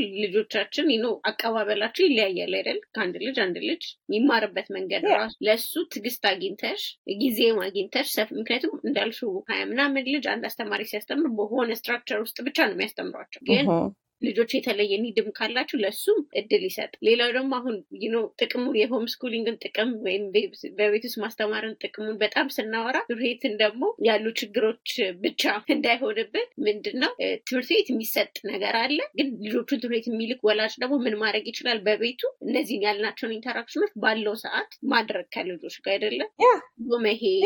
አሁን እዚህ ሀገር የማየው ምንድን ነው ከትምህርት ቤትም በኋላ ልጆቹ በጣም extra curriculum ምናምን ምናምን ተብለው extreme ይሆናሉ። ከዛ real life experience ግን የሆነ ሲያንሳቸው ምናምን ታያለሽ አንዳንድ ቦታ ሰው ለእሱ ወላጅ ምን ማድረግ ይችላል? ያለችውን የትርፍ ጊዜውን ሊሆን ይችላል፣ ቅዳሜና ሊሆን ይችላል ምናምን ከልጆች ጋር know የቤት ውስጥ ነገር በማሳየት real life የሆነ ነገር አለም ላይ ወተን እኮ ከትምህርት ቤት ወተን እኮ ስራ እንሰራለን አይደል? አሁን ስራ ላይ ያለ ሰው ልምድ ቅድም ያልሽው ማለት ነው። ልምዱ ለምንድነው የሚፈለገው? ምክንያቱም real የሆነ experience ስለሆነ እውነታ ያለው አለም ላይ የሚሰራ እሱን ማሳየት እንችላለን። ቤታችን በምናደርገው በትንንሽ ነገሮች ስንበላ፣ ስራ ስንሰራ፣ ለልጆች ኃላፊነት በመስጠት ምናምን እንደዛ መደገፍ ይቻላል። ማድረግ ለማይችሉ ሰዎች ማለት ነው። for whatever no ብዙ መንገድ አለው። I think አንዳንድ ጊዜ እንረሳለን። እዚህ ሀገር ኮሌጅ እንዲገባ ተማሪው he needs all this extracurricular activity ምናምን ይባላል። እውነት ለመናገር Olympics የማይገባ ከሆነ ምንድን ነው በየቀኑ ዋና መግባት አለበት እንደ ይሄ ልጅ like it doesn't make sense like ዋና እንዲለምድ ከሆነ በሳምንት አንዴ በሳምንት ሁለቴ ከተማረ that's enough like you're not gonna go to አንዳንድ ጊዜ አስተሳሰባችን ከእንትኑ ይርቃል ለምን ያየነውን ማድረግ ስለምንፈልግ የኮፒ ለማድረግ ነው ግን ቤትሽ ልጅሽን ብትሰበስቢ እና በሳምንት ሁለቴ ወይ ሶስቴ activity ቢያደርጉ የቀረውን ግን ላንችና ለቤተሰብሽ ልጆችንም አታጭም ወደ በኋላ ለምን እነዚህ ልጆች የቤት ቤት no making the most boring thing interesting ቤት ውስጥ ቁጭ ብሎ ከልጆች ጋር መነጋገርን ልጆች እንዳይደብራቸው ወደኋላ እኮ ደበረን ይሉሻል። አሁን ከለመዱት ግን እንዲያውም ስለ አንቺ ህይወት ማወቅ መጀመር ሲጀምሩ more interest እየኖራቸው ይሄዳል። ስለዚህ አሁን ትልቋ የኔ ትልቋ almost ቁጭ ብላ ከኛ ጋር ታወራለች። ምንም አይመስላትም። ምግብ ቤት ብንሄድ ምን ብንል ለምን ለምደዋለች? በቃ like she knows this is what's right እሱን ምንድነው? የቤተሰብ የፍቅሩም አለ የእውቀቱንም ማወቅ ትፈልጋለች እኛ የምንነጋገረው ነገር ምንድን ነው የሚለውን ስቧታል። ከመጀመሪያው ስለለመደችው እና activity ዎች አታድርጉ አይደለም ግን understand value ስጡት። የቱ ጋር ነው? የቤተሰባችሁ ማስቀደም አለባት። ከትምህርት ቤት especially የሚውሉ ልጆች ልክ ከቤት ስትመጡ ከትምህርት ቤት ሲመጡ ልጆች ወደ እናንተ እንዲመጡ ነው እንጂ ሌላ activity ጨምራችሁ ጭራሽ እንዲርቁ መሆን የለበት ይሄ ራሱ ራሱን የቻለ ሌላ topic ነው። ሌላ ጊዜ maybe በደንብ ሌላ ጊዜ በጣም ይበዛል። እና ልጆቹ ትንሽ መጨናነቅ። አሁን ትሰሚያለሽ under ten የሆኑ ልጆች no like በተለያየ ነገር stress ሆኖ ምናምን no በኛ ጊዜ ነገር አልነበረም because ነው የምንጫወትበት no ቤተሰብ ልጁ ሲጫወት ነው የሚያድገው? yeah እሱ ጊዜ ነበር። አሁን ግን ትንሽ እናጨናንቃቸዋለን እና ሌላው ደግሞ የአንቺ ልጆች አማርኛ በደንብ አቀላጥፈው ያወራሉ። አሁን እንግሊዝኛም ያወራሉ of course እዚህ ሀገር ያደገ ልጅ ያወራል ግን አማርኛ በደንብ መጀመሪያ ላይ ስንጀምር እንደተናገርሽው intentional ሆነሽ በደንብ አስበሽበት ከባለቤትሽም ጋር ራስሽም ጊዜ ወስደሽ አማርኛ አስተምረሻቸው እና በደንብ ያወራሉ። አማርኛ ማስተማሪያም ደግሞ run ታደርጊያለሽ በ Zoom እና ጥቅሙ ምንድን ነው? ሁለት ቋንቋ መናገር ወይ ሶስት ቋንቋ መናገር ለልጆቻችን ለምን እንደሚጠቅሙ መጀመሪያ እንግሊዝኛ ይናገራል ያልሽውን part እውነት መናገር ስለምፈልግ ነው። ባለቤቴም እኔም መጀመሪያ decide ስናደርግ እንግሊዝኛ አላስተማርናቸው ሁለቱንም። ትንሿ ትልቋ እንዲያውም almost አምስት ዓመቷ ላይ ነው መናገር መናገር የጀመረው። ታነብ ነበር የሚገርምሽ ቀድማ ከመናገሯ ምክንያቱም ፊደሎቹን ይሄ alphabet ኦቹን ስላስተማርኳት በድምፅ አ በከ ብዬ ስላስተማርኳት she never understood ABC ሚዩቱ ነው ABC ብታይ አታውቅም፣ ግን because she knew አ በከ ብላ እንደዛ ስላስተማርኳት she together እንደ puzzle እና እንግሊዝኛ ማንበብ ቀድማ ነው የጀመረች። ግን መናገሩን እውነት መናገሩን almost አምስት ዓመቷ ላይ ነው የተናገረችው። ትንሹ ደግሞ አራት ዓመቱ ላይ ነው የተናገረው እሱ የተናገረው ቀድሞ ለምንድን ነው? እሷ ስትናገር ስለሰማ ነው። እንዴ ቆይ ማማ አለኝ። የዛሬ ዓመት ነው እንግዲህ ልጅ አምስት ዓመት ነው። ስለዚህ የዛሬ ዓመት ነው it been one officially አንድ ዓመት ሞልቶታል እንግሊዝኛ መናገር ከጀመረ እና ጠየቀኝ። ላስተምር ነው የጠየቀኝ። ማማ ቆይ ግን እኔ እኮ እንግሊዝኛ መናገር አልችልም አለኝ። እውነት አትችልም አልኩት። አልችልም አለ። ከዛ በቃ እሺ መናገር ትፈልጋለህ አልኩት። አዎ ከባባ ጋር አነጋገረ ነግሬሻል፣ ባለቤቴ አማርኛ አይናገርም ማለት ለእነሱ አስተምሯቸዋል enough እና he says he speaks toddler fluent ነው የሚለው እሱ ለ toddler ኦች perfect አማርኛ ይናገራል። ግን የዛኔ አራት ዓመቱ የዛሬ ዓመት ማለት ነው ልጅ ሲጠይቀኝ በቃ እሺ ከባባ ጋር ተነጋገር አልኩት። I'm not kidding ሁለት ቀን አልፈጀበትም። ይሄ ልጅ ለካስ ይናገራል። just ሞክሮትም አያውቅም። በዛ የተነሳ እሱን ነበር እዚህ ስላደጉ majority ው ተናጋሪ እንግሊዝኛ ስለሆነ pick ያደርጋሉ ለፈልጌ ነው። I was so shocked። እኛ ራሳችን በንጋታ ባባ may I have breakfast ባባ እንዴ? ቆይ. የኔን permission ነው ሲጠብቅ የነበረው እያለ ነበር። እንዴት shocked እንዳደረገ? all of a sudden በቃ እና የማያውቃቸውን እንግሊዝኛ ቃላቶች ደግሞ ምንም አይመስለውም በአማርኛ እየቀላቀለ እንደምንም ለማያውቀው ሰው ራሱ እየቀላቀለ እንትን አለው። ይኸው ዛሬ Mr. fluent ሆኗል። አንድ አመት ሆኖታል። እንግዲህ ያነባል። እሱም ደግሞ አብሯት እሷን እንደተማረችው ስላስተማርኩት ማንበብ ጀምሯል። አሁን ይሄን ለምንድን ነው? ብዙ ጊዜ እኔ አማርኛ አስተማራቸዋለሁ ልጆቼን ስል የመጀመሪያ ጥያቄ መጣ። ልክ እንደ homeschooling socialization እንደመጣልኝ ወይንም ምንም ሳያውቁ ያድጋሉ እንደተባልኩት ማለት homeschooling በቃ ምንም አያውቁም ምንም ሳያውቁ ነው የሚያማሩ ምናምን እንደተባልኩት በአማርኛ ደግሞ ላስተምራቸው ስል እሱን ብቻ ስለምችል ነው። እውነት ለመናገር ሌላ ቋንቋ የምትችሉ ከሆነ ትግርኛ በሉ፣ ኦሮምኛ በሉ፣ ጉራግኛ፣ Spanish ከቻላችሁ multiple languages አስተምሯል። በአንድ ቋንቋ ብቻ እንግሊዝኛ ያላስተማርኳቸው ምክንያት አለኝ። majority language ስለሆነ ምንም ፍርሃት የለኝም ነበር ስለ እንግሊዝኛ አሁን ግን ባለቤቴ አሁን ለምሳሌ ሌላ ቋንቋ ቢችል Spanish ቢችል በደንብ እሱ Spanish እኔ አማርኛ ላስተምራቸው እችል ነበር። እሱ Spanish ኡን ቀጥ አድርጎ ይዞ እኔ አማርኛ ቀጥ አድርጌ ይዤ፣ ግን እንግሊዝኛ was my least of concerns። ለምን ሁሉም ሰው ይችላል። ሁሉም በየቦታው በሄድንበት እኔ ባወራሁት ቁጥር እንዳልኩሽ DMV ሄድኩኝ፣ ፖስታ ቤት ሄድኩኝ፣ ይሰሙኛል እኮ ችም ጆሯቸው አለ። ግን አልተናገርኳቸው እነሱን ስላላናገርኳቸው ከቤት ስወጣ በቃ expect የሚያደርጉት ከኔ አማርኛ ብቻ ሌላ ምንም expect አያደርጉም ነበረ። ቤት ራሱ homeschool ስናደረግ ይሄን ወደኋላ ለመመለስ ቤት ራሱ homeschool ሳረጋቸው ከፊደላቸው በስተቀር የቀረው በሙላ በአማርኛ ነው ያስተማርኳቸው። ሳይንስንም በይ ሂሳብንም በይ ምክንያቱም all I did was ልክ እድሜያቸው ሲደርስና እንግሊዝኛ መናገር ሲጀምሩ ግልብጥ ናረ like I just did okay well አንድ ያልኩትን one አልኩት ዛሬ። like that was that's all I did ምንም ነገር ለውጥ እንትና already መደመር ይችላሉ። already መቁጠር ይችላሉ። already ሳይንስ ገብቷቸዋል። አሁን እንደ language ጨመርኩበት እንጂ ሌላ ምንም difference አልመጣም እና ያ ረዳኝ። ግን ይሄ እንግሊዝኛ መጀመሪያስ ብዙ ሰው የጠየቀኝ ጥያቄ እንዴት በቃ እንግሊዝኛ ሳያውቁ ይቀራሉ ማለት ነው? አሁን ይናገራሉ። ዛሬ አንድ ሰው ጠይቆን ነበረ። ስለዚህ እንግሊዝኛ ይናገራሉ። አማርኛ ሲያወሩ ሰምቷቸው እኮ ነው። ስለዚህ እንግሊዝኛ አይችሉም ማለት ነው አሉኝ። ምን ማለት ነው? አልገባኝም። ለምን እፈራዋለሁ? እንግሊዝኛ ገና ለገና እንግሊዝኛ አይናገሩም በማለት ልጆቻችንን ሌላ ቋንቋ እናስተምራቸው። ስለዚህ በተቻለ መጠን understand ኑሯችን እዚህ እስከሆነ ድረስ እንግሊዝኛ መናገራቸው አይቀርም። ምክንያቱም most important ምንድነው እነሱ ልጆች የሚያስፈልጋቸው concept መረዳት ነው፣ ነገርን መረዳት ነው። ከዛ በኋላ እኮ code switch ነው መገልበጥ ነው። በቃ all you're translating that's ሌላ ምንም እኮ አይደለም። ምክንያቱም ድስት ድስት ነው፣ ቲማቲም ቲማቲም ነው፣ ሽንኩርት ሽንኩርት just changing to onion tomato pan አለቀ።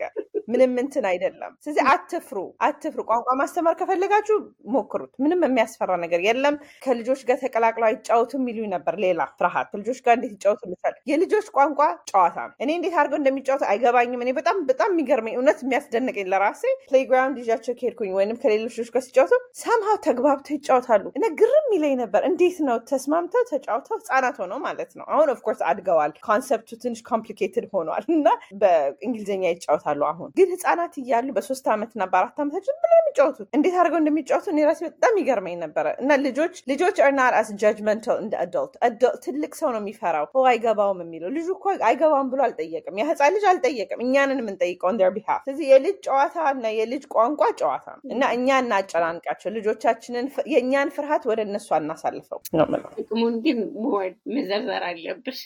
ጥቅሙ okay፣ ጥቅሙ ላይ ጥቅሙ ላይ sorry፣ ጥቅሙ ምንድነው? ይኸው ጥቅሙ ይሄን ነው። እኔ እንዳየሁት ከሆነ ጥቅሙ ምንድን ነው? ከቤተሰቤ ጋር አሁን ሲሆኑ አማርኛ ስለሚናገሩ ከቤተሰቤ ጋር ሲሆኑ ከዘመዶቼ ጋር ከሩቅ ከሀገር ቤትም ሆነ ከዚህም ሆነ ደስ ሲል ስታዩ interaction እውነት ለመናገር it's so satisfying በቃ በጣም ደስ ይላል ስታያቸው ልጆች ሲስቁ ሲቀልዱ ቀልድ ሲገባቸው like በእንግሊዝኛም በአማርኛም ቀልድ ሲገባቸው you የአሜሪካን ቀልድ አለ የአማርኛ ቀልድ አለ እሱ ሲገባቸው በጣም ደስ ይለኛል። አሁን ከትላንት ወደ ልጄ የሆነ መጽሐፍ እያነበብን የአማርኛ እንጀራዬ ነው እንጀራዬ አለ እንጀራዬ ሲለኝ በቃ አስደሰጠኝ፣ ደስ እሱ ለእኔ ለራሴ መጣሰብ እንደ ያስደስታል። ግን እውነት በ scientific ደግሞ ጥቅሙን ብትይ fact አይምሯችን ይሄን ያህል elastic መሆኑን ይሄን ያህል adaptable መሆኑን ልጆች ዛሬ አንድ ቋንቋ ወይ ሁለት ቋንቋ ከለመዱ ያችን ሁለት ቋንቋን ሶስተኛ የመጨመር እድል እንዳላቸው ምክንያቱም አይምሯቸው አሁን የሚያስበው በሁለት መንገድ ሆኗል። okay በአንድ መንገድ አይደለም። concept ኦች በአንድ መንገድ ብቻ አይገባቸውም። ነገሮች በአንድ መንገድ ብቻ አይገባቸውም። በሁለት መንገድ ነው የሚገባቸው። ቋንቋ ማለት እሱ ነው። really አይምሮች በሁለት መንገድ concept ን እንዲያውም አገለባብጦ ለማሰብ ይችላል እና አሁን እዚህ ላይ already አይምሮች fertile ነው፣ በጣም በስሏል። ስለዚህ ሌላ ቋንቋ ልጨምር ብትይ ራሱ በጣም ይቀላቸዋል። አሁን ትልቋ Spanish እየጀመረች ነው። እና የሚገርምሽ Spanish ከሚናገሩ ጓደኞች ልጆቼ ከሚሞክሩት ማለት ነው። ያው successful ሆኖ አልሆኑ እሱ ሌላ ነገር ነው። ግን እሷ she's equal ከነሱ ጋር። ገና አሁን ለጀማሪዎች Spanish የቤተሰቦቻቸው Spanish ተናጋሪ ሆነው ገና ልጆቹ አሁን ሊጀምሩ ያሉ ልጆች ጋር እኩል እድሜ ያሉ የሰባት ዓመት ልጅ ገና Spanish ላስተምረው ነው። እስከዛሬ እንግሊዝኛ ተናግሮ ስለነበረ አሁን Spanish ሊማር ሲሞክር እና at the same እሷ somehow quickly grasp የማድረግ እንትን ለምን አይምሯ already አማርኛና እንግሊዝኛው red ቀይ የሚለው አለ rojo ን መጨመር ነው። this is just ለእነሱ plug ማድረግ ነው እንጂ ይሄ ቋንቋ ሌላ ነገር ነው ተብሎ ራሱ አይምሯቸው አይፈላሰፍም። ይሄን ያህል already accept አድርጎታል እና በህይወታቸውም ይሄ translate አድርጓል። በቋንቋ ብቻ አይደለም just way interact interaction ኣቸው ራሱ ብዙ ነገር ላይ ሳየው ከሀበሻ ጋር ያለውም ሆነ ከውጭ ዜጋም ጋር ያለ ሆነ interaction ኣቸው እንዴት balance አድርጎ የመኖር እንትኑ ቋንቋ ይደግፈዋል ብዬ አምናለሁ። እስማማለሁ በጣም ለአይምሮ ኒውሮኖቻችን ብዙ connection ስለሚፈጥሩ neuroplasticity ነው የሚሉት እሱ ነው በጣም ብዙ ይቀለዋል ማለት ነው። ሌሎች ነገሮችም ላይ ለአይምሯችን physical ስፖርት እንደሚሰራው ሰው ለልጆቻችን ማስተማሩ እንደሱ አይነት የአይምሮ exercise መስጠት ነው። የመስፋት የመለጠጥ እንትን አለው። ሌላ ደግሞ ከሰው ጋርም ሲነጋገሩ ይረዳቸዋል። በ social skill ራሱ ያልሽው አንድ famous አባባል አለ ኔልሰን ማንዴላ ያለው ሰውን በራሱ በአፍ መፍቻ ቋንቋ ስታወራው ለአይምሮ አይደለም ለልቡ ነው የምታወራው። በቀጥታ ላልኩት ይሆናል quote አንብቤ አውቃለሁ ገብቶኛል። ምንድነው በጣም ደስ ይለዋል። ስለዚህ አሁን እኔ አማርኛ ገና ተሳክቶልኛል አልልም፣ ግን ልጆች በደንብ ይሰማሉ፣ ይሞክራሉ። ብዙ ነገር learning curve ስላለው ማለት ነው። ግን ከቤተሰቦች ጋር ሲያወሩ ከአያቶቻቸው ሊሆን ይችላል ምናምን ወይ አገር ቤት ካለ ሰው ጋር አሁን አማርኛ ሲያወሩ ልብ ለልብ ነው የሚያወሩት ማለት ነው። ወይም ሌላ ዚህ ይሄን ደግሞ የችለው maybe እንዳልሹ ወይ Spanish ቢማሩ ምናምን የዛን society የዛን community ሲያገኙ ሲነጋገሩ የ more connect የማድረግ ነገር ጨምርላቸው። ብዙ ጊዜ አንቺ ትያለሽ ምንድነው ስጦታ ነው የምንሰጣቸው፣ you know ሀብት ነው የምንጨምርላቸው እናስተምር አዎ እላለሁ ሁልጊዜ። እውነት ለመናገር ቋንቋ እንደ ስጦታ ነው የማየው። ደግሞ ነፃ ስጦታ ነው። like something effortless የሆነ ነገር ነው። effortless ስልሽ ግን ቀላል ነው ማለትም አይደለም። at the same በጣም conscious የሆነ decision ነው። በጣም በቃ ጠዋት እኔ አሁን እንዲያውም ከአንቺ ጋር የሚቀላቅለው ይሄ እንግሊዝኛ ከልጆች ጋር የለም። ለምን እንደሆነ አላውቅም። ከመጀመሪያው ስለጀመር ነው ይሁን ስናወራ በቃ direct ምንም ሌላ ነገር ሳላዋህድ ምክንያቱም እንዳይዙኝም ነው መሰለኝ የሆነ ቦታ ላይ እንትን እንዳይልኝ ስለሆነ መሰለኝ በቃ ጨክኜ ስለተነሳሁበት አሁን ነው እንዲያውም ከባለቤቴ ጋር ሳወራ ራሱ ምንም አይነሳቸውም። እሱን በእንግሊዝኛ ያናግረው ዞር ሲሉ እኔም በአማርኛ ነው የሚያናግረው። አንድ አይነት ነገር እኮ ነው ብለው ባባ can you brush my teeth ማማ እባክሽን ጥርሴን ቦርሽኝ። እኔን ሁለታችንም እያዩኝ እንደዚህ ሆነ መናገር ይችላሉ። ያ እውነት ለመናገር ትልቅ skill ነው። በዚህ እድሜ እንግዲህ አስቢው እና ይሄን አይነት ስጦታ እኔም በመስጠቴ በራሴ ደስ ብሎኛል። ባለቤቴም እኔን ስለረዳኝ ደስ ብሎኛል። ያንን effort ስላገኘን community ም ደግሞ ቤተሰቦቼ really እውነት ለመናገር አባትና እናቴም በዚህ ስለረዱኝ አመሰግናቸዋለሁ። ሌላ ደግሞ ያስተማርኳባቸው ምክንያት ምንድን ነው? ቤተሰቦቼን ሁሌ ስለምወቅሳቸው ነው። እናቴንም አባቴንም ቢሆን አባቴ ኦሮምኛ ተናጋሪ ነው። እናቴ ትግርኛ ተናጋሪ ናት። አባቴም ትግርኛ ይናገራል። ትግርኛ እሰማለሁ ግን ረስቸዋለሁ መናገሩ። ኦሮምኛ ምንንም ሳለምደው በቃ ቁጥር መቁጠርና እንስሳ ምናምን እነግርሻለሁ። ከዛ በላይ ግን አላውቀውም እና ሁልጊዜ ላቸዋለሁ ምን አልብት ታስተምሩ ለልጅ ልጆቻችሁ ይደርስ ነበር አሁን በእሱ ስለተነሳባቸው በቃ አማርኛን ቆርጬ ስለተነሳ በሱ ይረዱኛል። እነሱም ለራሳቸውም እንትን ሆነ። ስለዚህ ሪግሬት እንዳይኖራችሁ የምታችሉት ቋንቋ ካለ በአካችሁ አሳልፉ። ምክንያቱም በኋላ እንደኔ አይነቶች ይመጡና ለምን አላስተማራችሁኝም ይሏል። ሰምቻለሁ። ትልልቅ ልጆች ያላቸው ወላጆች ሲናገሩ ብዙ ቦታ ልጆቻችን ይወቅሱናል ስላላስተማርን ይላሉ። እና የሚቻል ነገር ነው፣ ፍርሃቱም አያስፈልግም ነው። ልጆች በቀላሉ ይችላሉ። እዚህ ብዙ ማህበረሰብ የሚናገረውን ቋንቋ ከየትም እንዳልሹ በየዞሩበት ስለሚሰሙ ይችሉታል። ምንም ችግር የለውም። ሌላ ቋንቋ ስንሰጣቸው ግን ሌላ ሀብት Okay ቤትዬ፣ ሌላ ደግሞ የአንቺ ልጆች screen የሚባል ነገር አያዩም ነው ቲቪ ስልክ ምናምን የለም። እሱን አያደርጉም። እና screen ያው በጣም ይታወቃል ችግሮቹ። ከዛ ደግሞ ግን በጣም ወላጅ struggle የሚያደርግበት area ራሴን ጨምሮ ማለት ነው። እና ምን ረድቶሻል? ምን ትመክሪያለሽ ማለት ነው? ማለት completely እንኳን ሰው avoid ባያደርግ ምክንያቱም የ screen መብዛት ምንም አሁን የተጠንቶ ተጠንቶ የበቃለት ነገር ነው። ማለት ልጆች ላይ ያለው impact ማለት ነው። conscious ሆኖም አንዳንድ ጊዜ በምርጫ መደረግ ያለባቸው ነገሮች ካሉ ወይ ደግሞ ለመቀነስ ከዛ እሱን ከሌለ ታዲያ ምን እናደርጋለን ይላሉ አንዳንድ ሰው ሊደረጉ የሚችሉ ነገሮችን ጨምረሽ የረዳሽን ነገር ንገሪ። ይሄኛውን በምን ልጀምር መሰለሽ? እስካሁን homeschooling ስትይ ትንሽ negative ያየሁትን መሰለኝ የጀመርኩት። በቋንቋም ስትይ negative ን ተናግራለሁ መሰለኝ። በ positive ልናገር፣ screen ጥቅም አለው፣ በት ቦታ ደግሞ አለው። ለምን በይ screen ምንድን ነው የሚለው ምክንያቱም define ማድረግ አለብን። አሁን ቤተሰቦቼ ሀገር ቤት ነው የሚኖሩት፣ ዘመዶቼ ሀገር ቤት ነው የሚኖሩት። ልጆቼ FaceTime ባልፈቅድላቸው የሆነ እድሜ ላይ ማለት ነው of course የሀያ ወር ላይ ምኑ ነው የሚያውቀው ከዛ ከፍ ያለ ከሁለት ዓመት በላይ ልበው በደምብ እንትን የሚለው ወር even የአንድ ዓመት ልጅ ዝም ብሎ ስላሳየሹ ምንም አይፈጠርም። ይሄ አያትህ ነው አልሹ በቃ አለቀ። ከዛ መዝጋት ትችላለሽ። እሱ ምን እናውቀዋል። ግን በሱ መንገድ በጣም ብዙ ጠቅሞኛል። እኔ ልጆቼ ቤተሰቦቻቸውን ያውቃሉ። ለምን ቴክኖሎጂ ስላለ፣ FaceTime ስላለ፣ Viber ስላለ፣ WhatsApp ስላለ። ስለዚህ ይሄ ይሄ ጥቅሙን ነው ልልሽ እፈልጋለሁ አይደለ? ሌላ ጥቅሙ ደግሞ Zoom በመጣ ጊዜ እኛ ሁላችንም ነገር ሲዘጋብን በ Zoom መገናኘትን አገኘን። እድል ሰጠን። አሁን እኔ አማርኛ ትምህርት ቤት ሲከፍተው በ Zoom ነው የከፈትኩት። ጥቅም አለው። ይኸው እንዲህ እንደኔና እንዳንቺ እንደምናወራው ማለት ነው። እነዚህ ሁለት ጥቅም እስካሁን ግን የጠራኋቸው ምንድን ናቸው? active የሆኑ ነገሮች ናቸው። active ማለት የሚነቃነቅ ነገር ነው። እኔና አንቺ ስንነጋገር እውነት live የሆነ interaction ነው እንጂ አንቺ አንቺን ብቻ ዝም ቤ ቁጭ እያየሽ ፈዝዣ ላይሽም እኔም አብሬሽ እየተነጋገርኩ ነው። እነዚህ ጥቅሞች ናቸው የ screen ጥቅሞች። ሰው ጋር አገናኝቶናል፣ የራቀውን አገናኝቶናል። ግን at the same time ደግሞ አንድ አጎቴ ብሏል አብሮ ያለውን አራርቋል፣ የተራራቀውን አቀራርቧል ብሎኛል። which is true ምክንያቱም አብረሽ ተቀምጠሽ ሰው ስልኩ ላይ ነው የሚውለው። አንቺ አጠገብሽ ተቀምጠሽ ስልክ አትነጋገርም፣ ግን የምታወሩ እዛ ዘመድሽን ነው፣ እዛ ያለውን ነው። አጠገብሽ ያለውን ጓደኛሽን አታወሪም እኮ። ግን እዚህ ያለውን ትተን ራቅ ብቻ ከምንስብ ለማለት ነው። እዚሁ present መሆን አለብን። ባለንበት ቦታ ደግሞ present መሆን አለብን። በሱ መንገድ ነው እኔ ለልጆቼ ለምንድነው screen ያልተጠቀምኩት የምትይውን ነገር እንዲያውም ብዙ ሩቅ research አንብቤ ምናምን ሳይሆን just in general ሳየው ሳያቸው ልጆችን እዚያ ያደጉ ልጆችን ሳያቸው ምግብ ቤት ሳይ ወይም ቤተሰብ ዘመድ ጋር ድግስ ሲኖር ምናምን ቤተሰቦች ስልካቸውን ይሰጣሉ እና የሆነ ነገር ሰጥተው እነሱ እዛ ከትልቅ ሰው ጋር ይቀላቀላሉ እና ልጆቻቸው ሁሉም እና ሳየው ልጆቹ እንደኛ ድሮ አይደለም። ድሮ ልጆች ሄደን እንጫወት ነበረ። አሁን ይህ screen ከመጣ ጀምሮ ልጆች አይነቃነቁም። አንድ ላይ አንድ ላይ ይሰበሰቡና አንዳንዶች text ያደርጋሉ እርስ በራሳቸው I how አጠገብሽ ተቀምጠሽ ለምን እንደማያወሩ አይገባኝም። ወይም video game ይጫወታሉ ወይም ምናምን ነው። እውነት real interaction የለም። so if you're talking about እውነት interaction yeah መኖር አለበት። መነጋገር አለባቸው እነዚህ ልጆች። በዛ ነው እውነት ለመናገር ወደ no screen የገባሁበት ምክንያት እሱ ነው። አንደኛ ነገር ለነገር ከመጀመሪያውም ስለሆነ ቲቪያችንን አወጣነው። ልጄ ሶስት ወሯ ነበር የመጀመሪያው። ቲቪውን ነቅለን አወጣነው አወጣነው በቃ አለቀ። ከዛ ስናየው ህይወታችን ቀላል ነው። ምንድን ነው ምንም complicated አልነበረም። ልጅቷ ትጫወታለች፣ ታነባለች፣ ትተኛለች፣ ትበላለች። ይሄ ብዙ ሰው ይለኛል። አሁን እንዴት ትማራለች ታዲያ ካለ ቲቪ አሉኝ። እኔ ቲቪ እኛ እንደዛ እንዴ ተማርነው አልኳቸው። አይ እኛማ እድል ስላልነበረን ነው ነው እድል ስላልነበረን ነው እንጂ ቢኖረን ኖሮ ከ ABCዋን ትማራለች ምናምን እና ሰዲ ነው ልክ እንዳልኩት ለ homeschooling እሱ ለእኔ ትምህርት አልነበረም። ትምህርት የነበረው ዝም ባለበት ሰዓት ላይ እሷ ራሷን እንዴት ነው entertain የምታደርገው? ራሷን እንዴት ነው ከራሷ ጋር comfortable የምትሆነው? ራሷ ተመችቷት ማለት ነው።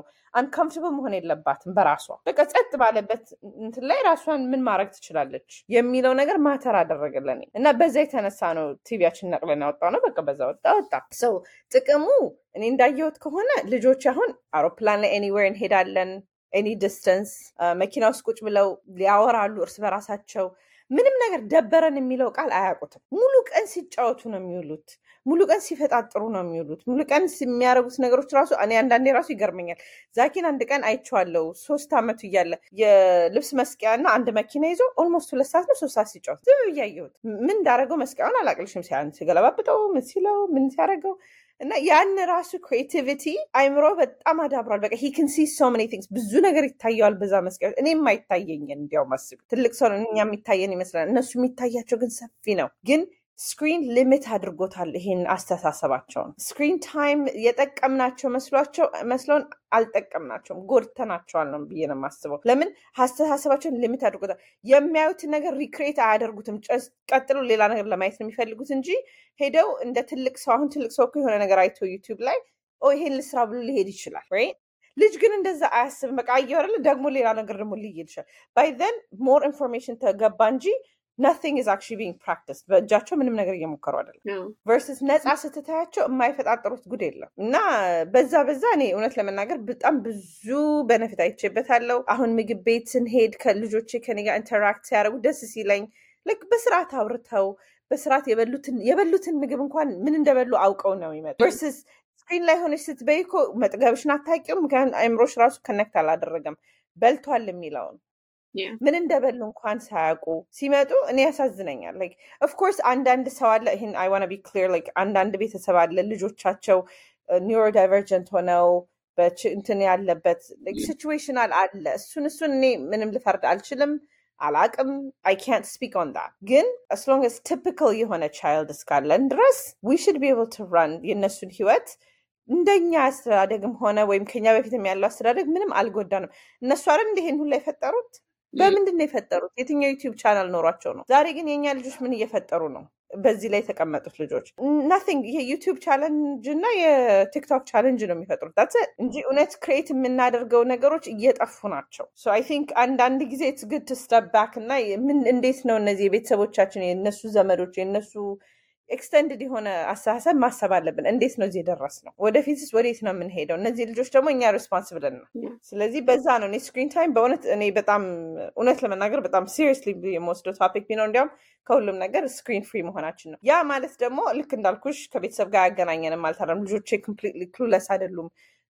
online class ትወስዳለች ኬና አሁን አንድ የሆነ ሂሳብ ካምፕ ነበራት she takes that like you know even like አሁን ለምሳሌ አንዳንድ ጊዜ they wanted to see ባለፈው ጊዜ ምንድነው የሆነ rocket release ሲደረግ ማየት ፈለጉ እና ሲጠይቁ ነበር መጽሐፍ ላይ አንብበዋል እና እውነት actively ማየት እንችላለን of course እናያለን NASA dot gov ገብተን like we actually look up እውነት research አድርገን ማለት ነው።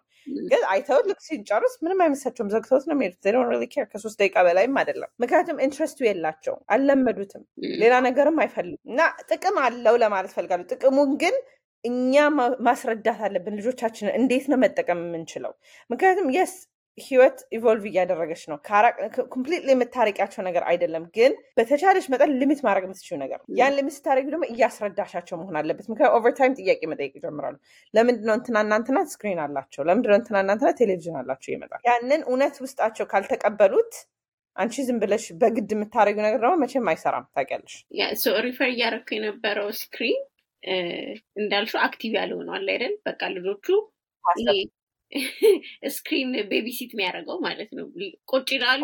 በጣም ትንንሽ ልጆች አሁን በፔዳትሪሽያኖች ምናምን ሪኮመንድ የሚያደርጉት ሁሉ እድሜ አለ ወይ ደግሞ ቢያዩ በቀን ውስጥ እቶኪ ብለሽ ራሳ ግን ከዛ ውጭ ነው እውነቱን እንነጋገር ከተባለ ልጆች በጣም ትንንሽ የስድስት ወር ልጅ ራሱ ምን እየተብለጨለጨ እንደሆነ እንኳን በማያውቅበት እድሜ ቁጭ ይላሉ።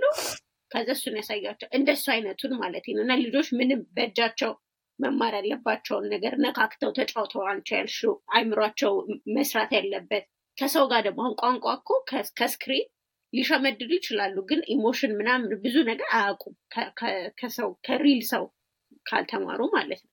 እነሱን እነሱን ሁሉ በሚጎዳ መልኩ የምናደርገው excess የሆነ ወይም ከልኩ ያለፈ screen refer እያደረኩ ያለሁት እንጂ አሁን እንዳልሹ በደረስንበት ጊዜ ብዙ ነገር ከሩቅ ያለውን የሚያገናኘን ብዙ ስራ የምንሰራበት ነገር ነው እና ትምህርትም ሊማሩ ይችላሉ። አንቺ ልጅ ትማር ነበር እንዳልሽው እሱን እሱን ያው ይታወቃል ማለት ነው። ማንም ሰው ይለየዋል። አይ ለምን ለምንድን ነው mention ያደረኩት መሰለሽ? አሁን አንድ ጊዜ screen ሲባል እኔ ስለደርሶብኝ ስለማቅ ነው። አሁን ቤተሰቤን እኮ በቫይበር አገኙ ስል እንዴ አንቺ screen free አይደለሽ እንዴ? እንዴት ቫይበር ላይ ገቡ? እና ትንሽ breakdown ማድረግ አለብን። passive screen active screen time አይደለ? ያንን ራሱ መረዳት አንችልም። እና ለ judgment እኔ ልክ ነው target ነኝ ለብዙ ነገር። እውነት ለመናገር በ homeschooling በዩ በአማርኛ መናገር በዩ በ screen so I'm an easy target ለብዙ ሰው። እና እንዴ I thought you said ልጅሽ screen free ነው። yeah I say he's clueless like አለም ከአለም ተራርቋል አላልኩም እኮ ልጁ። ያልኩት ምንድን ነው አሁን እንዳልሽው passive screen የምንላቸውን ነገር እውነት ማደንዘዣ በዩ እውነት ለመናገር ድንዝ እኮ ነው ልጆች በቃ ገብተው የት እንዳሉ እንኳን ስትቀሰቅሻቸው ራሱ like አንዳንድ ልጅ አይቻቃል like just look shocked የሆነ በቃ የሉም ነበረ ወይንም all of a sudden emotional ይሆናሉ። ያለቅሳሉ። ምክንያቱም snatch ነው ያረግሻቸው ከሆነ አለም ውስጥ እንጂ ይሄኛ አይምሯቸው እኮ active አልነበረም። በቃ ደንዝዟል። it's become so passive አይምሮ ጀርባ ተቀምጧል። በቃ የለም። ያ ነገሩ ይነቃነቃል ይነቃነቃል ይነቃነቃል።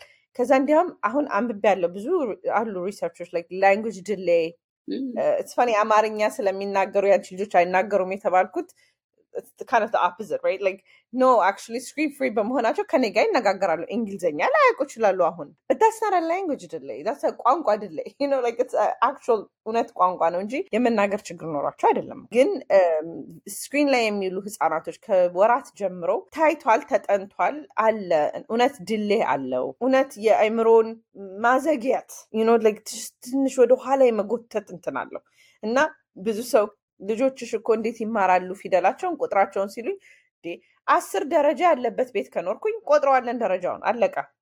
ልብሴ ቀለም ካለው ቀለሞቹ ልብሴ ላይ ያለውን እናያለን። ፊደል በየቦታው ነው ያለው ቁጥር በየቦታው ነው እኛ ብቻ አይናችን ጨፍንን ስለምንነቃነቅ ነው መሰለኝ ልጆቻችንም አና አያምኑም ቤተሰብን። እንደዚህ እንደኔ አይነቶቹን ቤተሰብ አያምኑንም። እውነት ያስተምሯቸዋል ነው የሚሉኝ እውነት ቁጥር አንቺ ራስሽ ውጭ isn't it funny because እኔ እውነት ለመናገር ቁጥር ልጆቼ ውጭ ነው የለመዱት። ውጭ ዝም ብሎ street sign ኦች አሉ አይደለ? በ speed limit ነው ኬና double digit የለመደችው። ሀያ አምስት እላታለሁ በቃ ሀያ አምስት ሆን እንዳወቀችው ሀያ አምስት። ከዛ ላ ግን ያው ለእኔ ችግር ሆነ ማማ ስንት እየነዳሽ ነው መባል ጀመርኩኝ። ቆይ ቆይ ነው real life ሆነ ማለት ነው lesson ኑ። she might understand የትም መንገድ ስንሄድ ሁልጊዜ ትጠይቀኛለች አሁን ራሱ። speed limit ኡ እዚህ ምንድን ነው ቆይ ልፈልገው ትለኛለች። ምን እየነዳሽ ነው? okay እሺ አምስት ነው እሺ አምስት over ነው እሺ አምስት under ነው ብዙ ጥያቄ ይጠየቃል። እና ይሄ ብዙ ነገሮች አሉት። መኪና ውስጥ ስለማልሰጣቸው በጣም open ነው አይምሯቸው እና የሚያዩት ነገር መንገድ ላይ የዘጠኝ ሰዓት መንገድ እንነዳለን። not bored ብዙ ነገር አላ መንገድ ላይ የሚታይ ነው ያንን ያንን እኛ confidently አናምንም ልጆቻችን እንደዛ ይሆናሉ ብለን። እና እውነት ይሄን ያሰበ ሰው ደግሞ ከአሁኑ ነው። like start ዛሬ በቃ conscious ሆናችሁ ይሄ ይሆናል ብለን ተነሱ። especially ህጻናት ያላችሁ baby ያላችሁ እባካችሁ አጥፉት። በቃ አጥፉት አጥፉት። ምንም አያደርግም። ምንም ምንም አታስተምሯቸውን በሱ። ምንም ነገር አታገኙም በሱ እውነት ነው የምልሽ። በቃ አጥፉትና ተነጋገሩ ተተዋወቁ እኮ። አንደኛ ነገር ደግሞ ብዙ አሁን ትምህርት ቤት especially ውሎ ለሚመጣ already ትምህርት ቤት ውሎ መጥቷል። ከዛ ይህን ትከፍችለታለሽ እራትሽን ለመስራት እንዲቀልሽ አደለ so ብዙ ጊዜ የሚከፈተው የሆነ አምስት ሰዓት ላይ በቃ እራት ለማቸኮል ነው አደለ ይምጡና የድፉ kitchen ውስጥ። ምንድነው ችግሩ? what's the worst happen መጥረግ ነው እኮ። ይምጡና ይርዷችሁ። ምን እንደምታበስሉ ይወቁ ምግብ አይቸገሩም ብዙ ጊዜ አብረው cook የሚያደርጉ ልጆች። እኔ እሱን አሁን በቤት በመሆናቸው ልጆች እነግርሻለሁ። እውነት appetite ኣቸው ክፍት ነው። ይበላሉ የሰጠኋቸውን ነገር። ጎመን በዩ ምንም ጎመኑን ሲቀነጥሱት ስለሚውሉ ከኔ ጋር they know አይፈሩትም። ይሄ ቀለሙ ምንድን ነው አይሉም። they know አብረን ያበሰል ነው ቀለሙ ሲለዋወጥ አይተዋል እንዲያውም ሲበስልና ሳይበስል በፊት። ወይም ሰላጣ ሲሆንና ሰላጣ ሳይሆን። እና እባካችሁ ቤተሰቦች I know ለኛ ይደክመናል። ከስራ መተን ሲሆን ይደክማል። አቃል ወረዳል ግን እቺ ሰዓት አጭር ናት ተጠቀሟት ተጠቀሟት። don't lose so ትንሽ ሰዓታችንን ያለ ነው እና ቤት መጥተው kitchen በጠበጡ። አሁን አንዳንድ ጊዜ ቤተሰብ አያስቸግሩሽም፣ አይደፋፉብሽም ልጆችሽ? ይሉኛል። of course ይደፋፋሉ። ኬና እንቁላል እንዳለ ግማሹን አድፍታልኝ ታውቃለች። እንዳለ ግን she learn something from okay አያያዜ ትክክል አልነበረም። ለካስ እንቁላሉ በስቶ ነበር በአንድ ጎኑ። እና አሁን እስከ ዛሬ ታስበዋለች እሱን። ታያለች በደንብ አረጋግጣ ነው balance አድርጋ ነው የምታወጣው አሁን። ያ ትልቅ lesson ነው። እኔ ለምን ደፋሽውም አላልኳትም። በቃ ተደፋ እንጠርገዋለን ተጠረገ እና ይሄንን ቀለል አድርገን ማሰብ አለብን። ልጆቻችን እንዲመጡ ወደኛ ነው እንጂ እንድንገፋቸው የሚያበረታታ ነገሮች አንጨምር ስለ speech delay ነው ሊፈጠር ይችላል screen ያልሹ አሁን ደግሞ እኔ recently የሰማሁት virtual autism ነው ምንድን ነው excess screen በማየታቸው ምክንያት under two የሆኑ ልጆች ምንም አይነት interaction የላቸውም። sensory issue ያመጣሉ because በእጃቸው ምንም ነገር በመጫወቻ ምናምን ሳይጫወቱ ማለት ነው። ከዛ ደግሞ ከሰው ጋር ምንም የሚያዩት interaction በመነጋገር ምናምን ምንም የሚያደርጉት ነገር ስለሌለ they don't have social skill ምንም emotion ም ምናምን ከዛ በኋላ get misdiagnosed it's actually real thing ማለት ነው እና ይህ ሁሉ ሌላ ችግር አለ ማለት ነው። ለዛ ነው። እኔ እውነት ለመናገር ኦቲዝም ላለማለት ስለፈለግኩ ነው። የአይምሮ ትንሽ delay ዝግመት አለው ምናምን ያልኩሽ እውነት ለመናገር። ምክንያቱም ኦቲዝም ትንሽ ከበድ ያለ topic ነው ለእኔ ለራሴ ማለት ነው። coming from ከ science background ስለምመጣ ደፍሬ ይሄ ነው ልልሽ አልፈልግም። ግን እውነት እውነት እውነት ለመነጋገር ከፈለግን yes በጣም delay አይቻቃሉ በልጆች hyperactivity የሆኑ እንዲያውም እንደ ADHD already border case የሆነ ADHD ልጅ through the roof ነው የሚሆነው በዚህ። even autism ትንሽ border case ያለው ልጅ ጨምሮልሽ ቁጭ ነው የሚያደርገው። ምንም magnify የሚያደርገው screen እንዳየሁት የሆነ border case ካለሽ የሆነ neurodivergent የሆነ የምታሳዩ ምልክት ካለ ይጨምርልሻል እንጂ አይቀንስልሽ።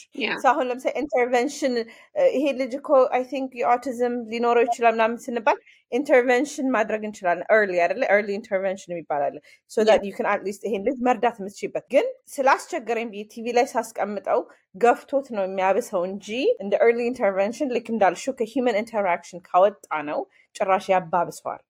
ስለዚህ ከተቻለ መጠን I don't think TV cause ያደርጋል ሳይሆን already border case ያሉ ልጆችን ሊያባብስ ይችላል ወይንም የ human interaction ኣቸውን ይወስደዋል በአጠቃላይ።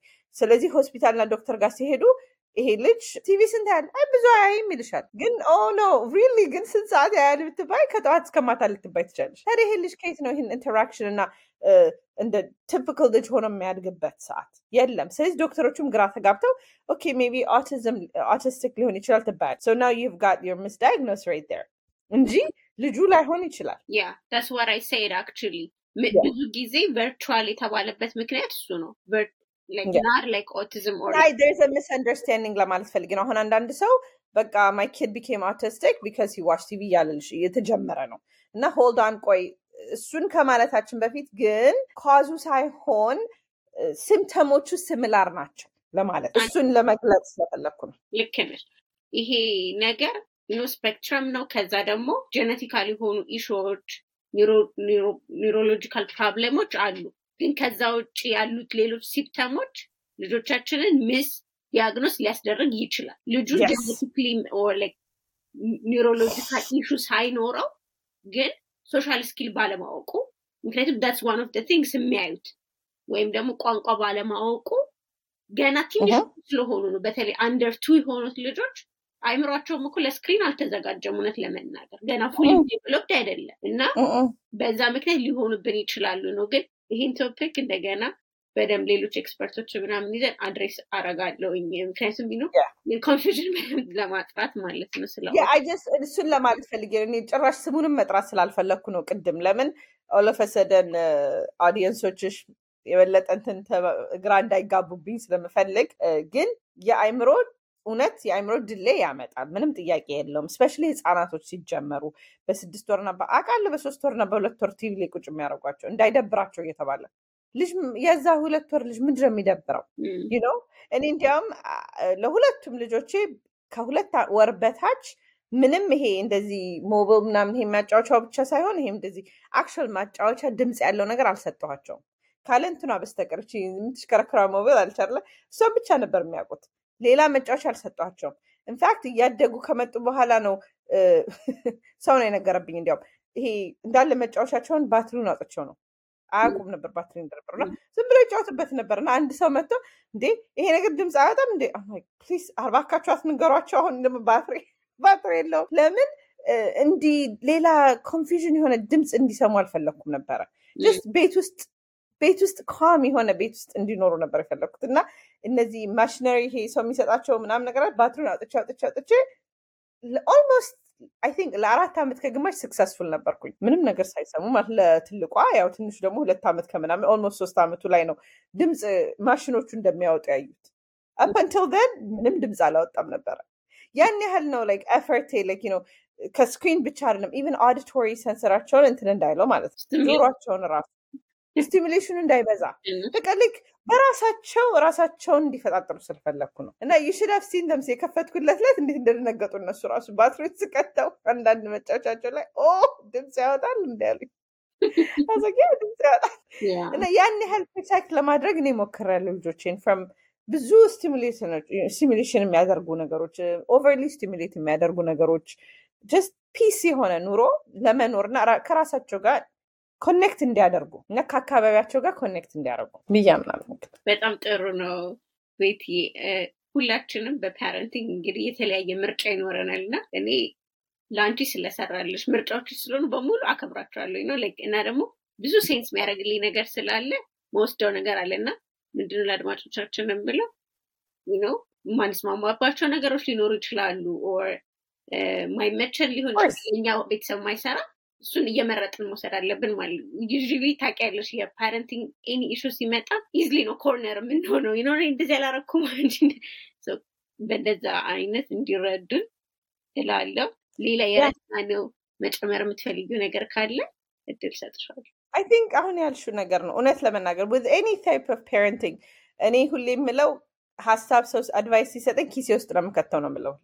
ሁሌ ላልጠቀመው ዛሬ ላልጠቀመው ይችላል ነገ ልጠቀመው ይችላል ወይ ዛሬ አስር ዓመት ልጠቀመው ይችላል advice ስንሰማ የአሁን generation ነው መሰለኝ all of a sudden defensive ለመሆን እንቸኩላለን።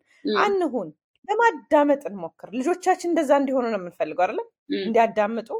ስለዚህ እኛም የማዳመጥን ጸባይ ይኑረን እናዳምጥ ካልመጠነን ዛሬ okay ግን ጥሩ ነገር ነው የሰማሁት መሰለኝ። እስቲ ቆይ የዛሬ አስር ዓመት እኮ ሊጠቅመኝ ይችላል ይሄ። ወይ የዛሬ ዓመት ወይ ዛሬ ልሞክረው እችላለሁ። ካልሆነ ደግሞ መተው ትችያለሽ እኮ። ምንም ችግር የለም። እና compare አናደርግ የራሴን ህይወት። ያንቺን ህይወት ከሌላ ሰው ጋር compare አታድርጉ። የምትማሩትን ተማሩ እና የማትማሩትና የማይሆንላችሁ ከሆነ ደግሞ መተው ትችላላችሁ። ሁሉም ቤተሰብ የራሱ ምርጫ አለው። ሁሉም ቤተሰብ የራሱ ምርጫ አለው። እኔ ስላደረግኩት እኔ ትክክል ነኝ ልልሽም አልችልም። ለእኔ ግን ጠቅሞኛል ልልሽ እችላለሁ። ሲጠቅም አይቻለሁ ግን አንዳንድ ነገሮችን aggressively የምናገራቸው አሁን የስድስት ወር ልጅ ቲቪ ላይ አታስቀምጡ። ያኛው flat out ነው። period እዛ ጋር አደለ ግን ሌሎች ነገሮችን አሁን ለምሳሌ እኔ homeschool ስላረኩኝ ግዴታ አንቺ ማድረግ የለብሽም። እኔ screen free ስለሆንኩኝ 24 ማለት ይቻላል አንቺ መሆን የለብሽም። maybe ለአንቺ ሰላሳ ደቂቃ ሊሆን ይችላል በቀን። that's okay ምንም ኃጢአት እኮ አይደለም። ግን be selective ሰላሳ ደቂቃዋን በምን waste ያደርጋሉ? ያቺ ሰላሳ ደቂቃዋን በምንድን ነው የሚያዩት find good program ላይ ያቺን ሰላሳ ደቂቃ የሚጠቀሙትን የሆነ knowledge የሚማሩበትን የሆነ ነገር ይዘው የሚሄዱበትን ነገር ተጠቀሙ እንጂ ሰላሳ ደቂቃ ሙሉ እኔ I don't know ም ነው cartoon show ምናምን ሊኖር ይችላል። even cartoon እኮ መጥፎ አይደለም። ግን ምረጡ be selective ተማሩ ስለነሱ ከመክፈታችሁ በፊት ምንድን ነው ብላችሁ አስቡ። በቃ ይሄን ነው advice ልሰጥ የምችለው። አስቡ። ከሆነ ነገር decide ከማድረጋችሁ በፊት አስቡበት ያ ወላጅ መሆን ብዙ ምርጫ መምረጥና መወሰን ነው። ለእሱ ደግሞ information እንፈልጋለን የሰዎች ልምድ እንፈልጋለን። ለዛ ነው የምናካፍለው እና የምንነጋገረው ማለት ነው እርስ በርሳችን ለመማር ከልምዶቻችን እና ደግሞ ህይወት ብዙ ጊዜ ምርጫው እንዳለ ሆኖ balance ማድረግም ነው። አንዳንዴ ያለንበት ሁኔታ ሊሆን ይችላል አንዳንድ ምርጫዎች እንድመርጥ ይገፋፋል እና እሱን ጊዜ ወስዶ በደንብ እንዳልሽው አስቦ ያለ አስቦ ለመወሰን እና ጥሩ መረጃ ነበር ያካፈልሽን Beth ስለሰጠሽን ጊዜ በጣም ነው የማመሰግነው። አመሰግናለሁ። አንቺም ይህን ጊዜ ወስደሽ ደግሞ ይሄንን በማድረግሽ ከመጀመሪያው ልነግርሽ የፈለኩት ሀና በጣም ኮርቼብሻለሁ። በእውነት ከባድ ነው፣ ቀላል አይደለም። ከልጆች ጋር አውቃለሁ፣ ቀላል አይደለም። ግን ከባዱን መርጠሽ ለእኛም ስለምትጠቅሚን በጣም አመሰግናለሁ ሀናዬ። thank you Beth በሌላ ደግሞ ብዙ መረጃዎች ለማካፈል እንደገና ተመልሰሽ ትመጫለሽ። ቃል? በቃ አልተፈራረምንም፣ ግን እሺ እሺ እሺ ሰላም ሁኚ። የዛሬ ቆይታችን ይህን ይመስል ነበር። በተከታታይ ክፍሎች እስከምንገናኝ ሰላም ሁኑ።